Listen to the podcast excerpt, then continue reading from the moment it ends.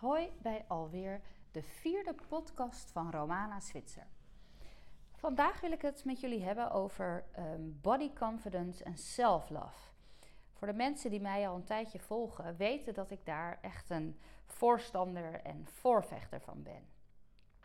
Ik vind het altijd ontzettend intrigerend en ehm, aantrekkelijk om te zien bij mensen als je uh, goed in je vel zit. Als je dat uitstraalt, als je blij bent met wie je bent, als je durft te laten zien dat je ook uh, zelfverzekerd daarover bent. Als je durft te laten zien dat jij goed in je vel zit. En dat maakt natuurlijk helemaal niet uit wat voor een gewicht daaraan hangt of welke maat daaraan hangt.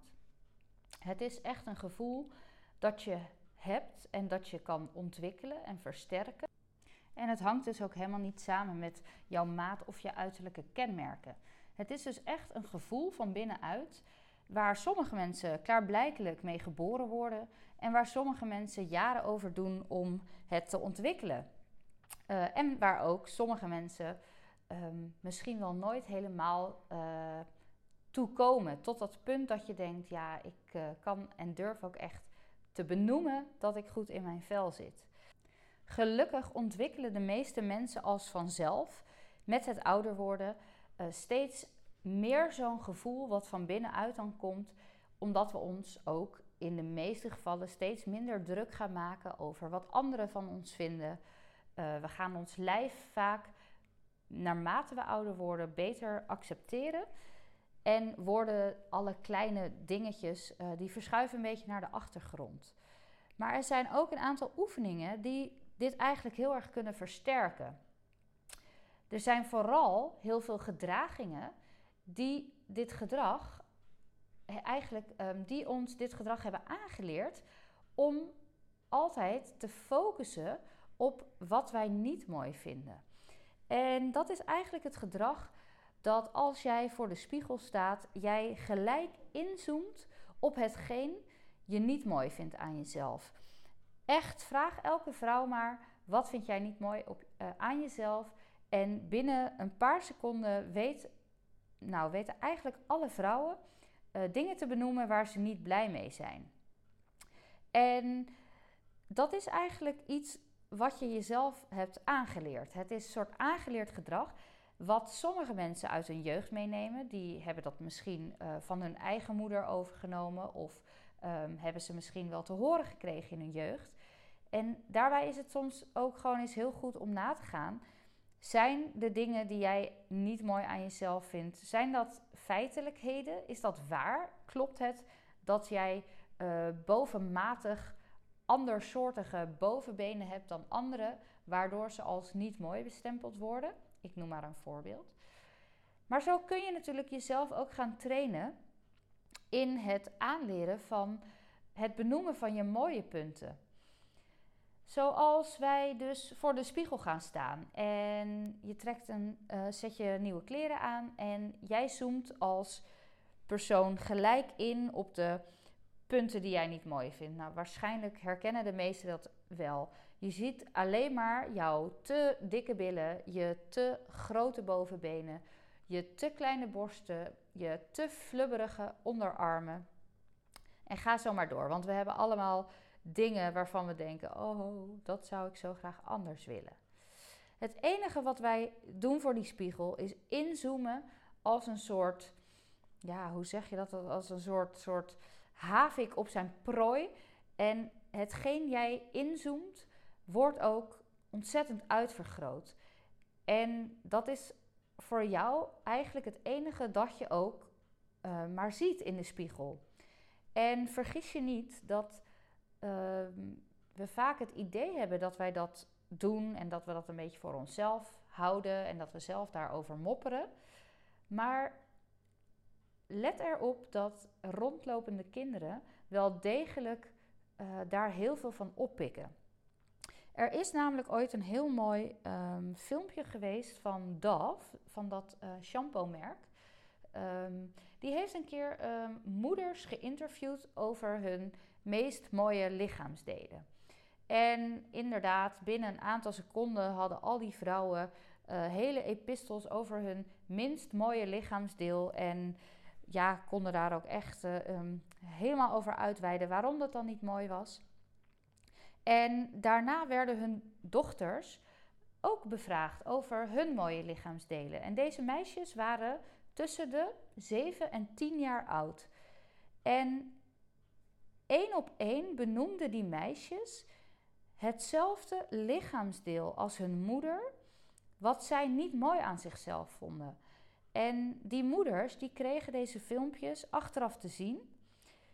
En die dochters die benoemden dus exact hetzelfde lichaamsdeel als wat die moeders niet mooi vonden. En het was zo'n confronterend moment voor deze moeders, omdat ze dus dachten dat zij daar niet mee te koop liepen, dat zij daar niet mee.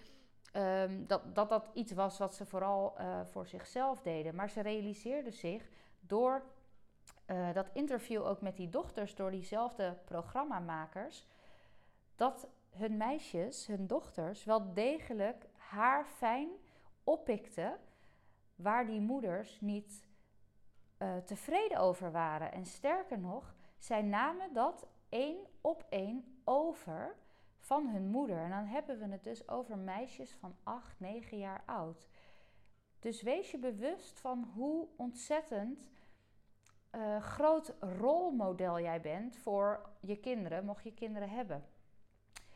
Maar ook natuurlijk voor jezelf, want eigenlijk leeft er in ons allemaal nog uh, dat kleine meisje, ons, ons, ons kind, uh, je eigen kind, zeg maar, van hoe jij was als, uh, als jonge vrouw, als jong meisje.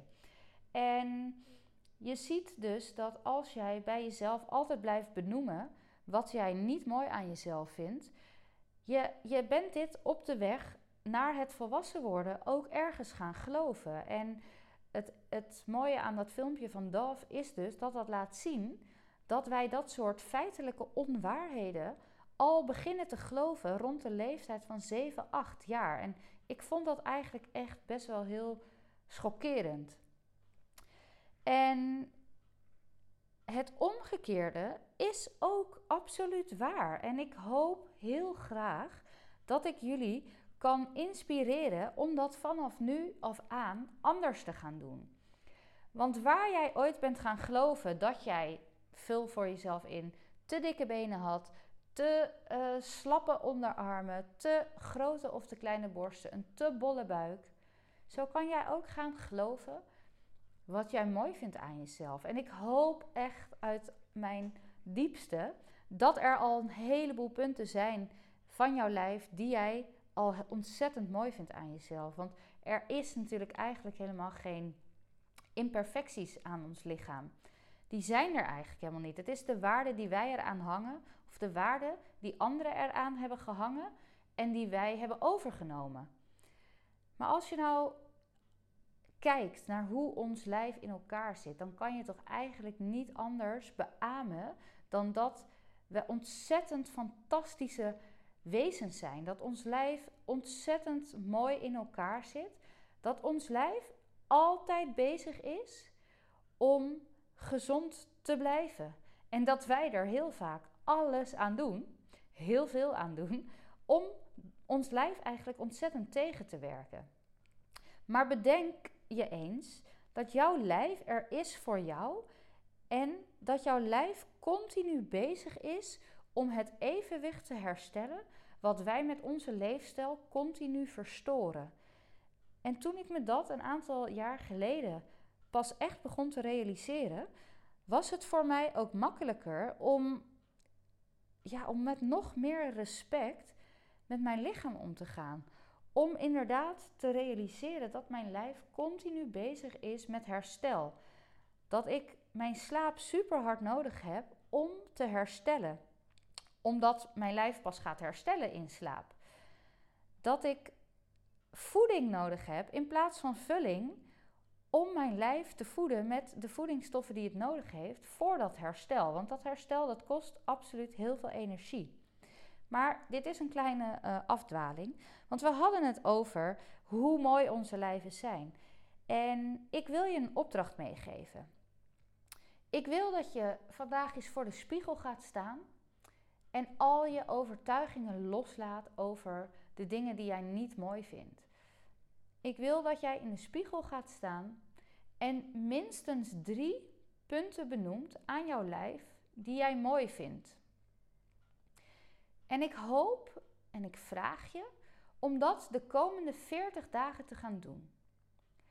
En dan alleen de punten te benoemen die jij mooi vindt. Dus niks van mindere kwaliteit. Gewoon alleen maar drie of vier of vijf of hoeveel je er kan zien.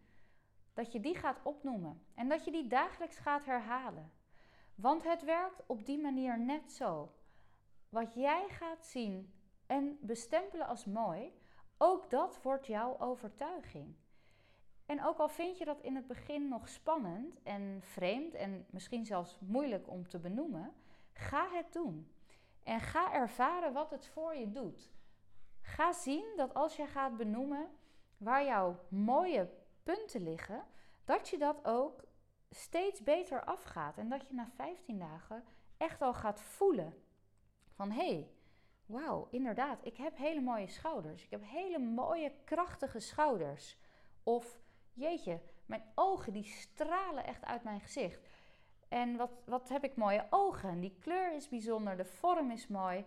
Ga dit voor jezelf benoemen. En ik druk je op het hart dat de hele energie daarmee verandert. De hele energie met waar je naar jezelf, uh, waarmee je naar jezelf kijkt. En dat doet echt, ik zweer het, dat doet iets anders in jouw lijf.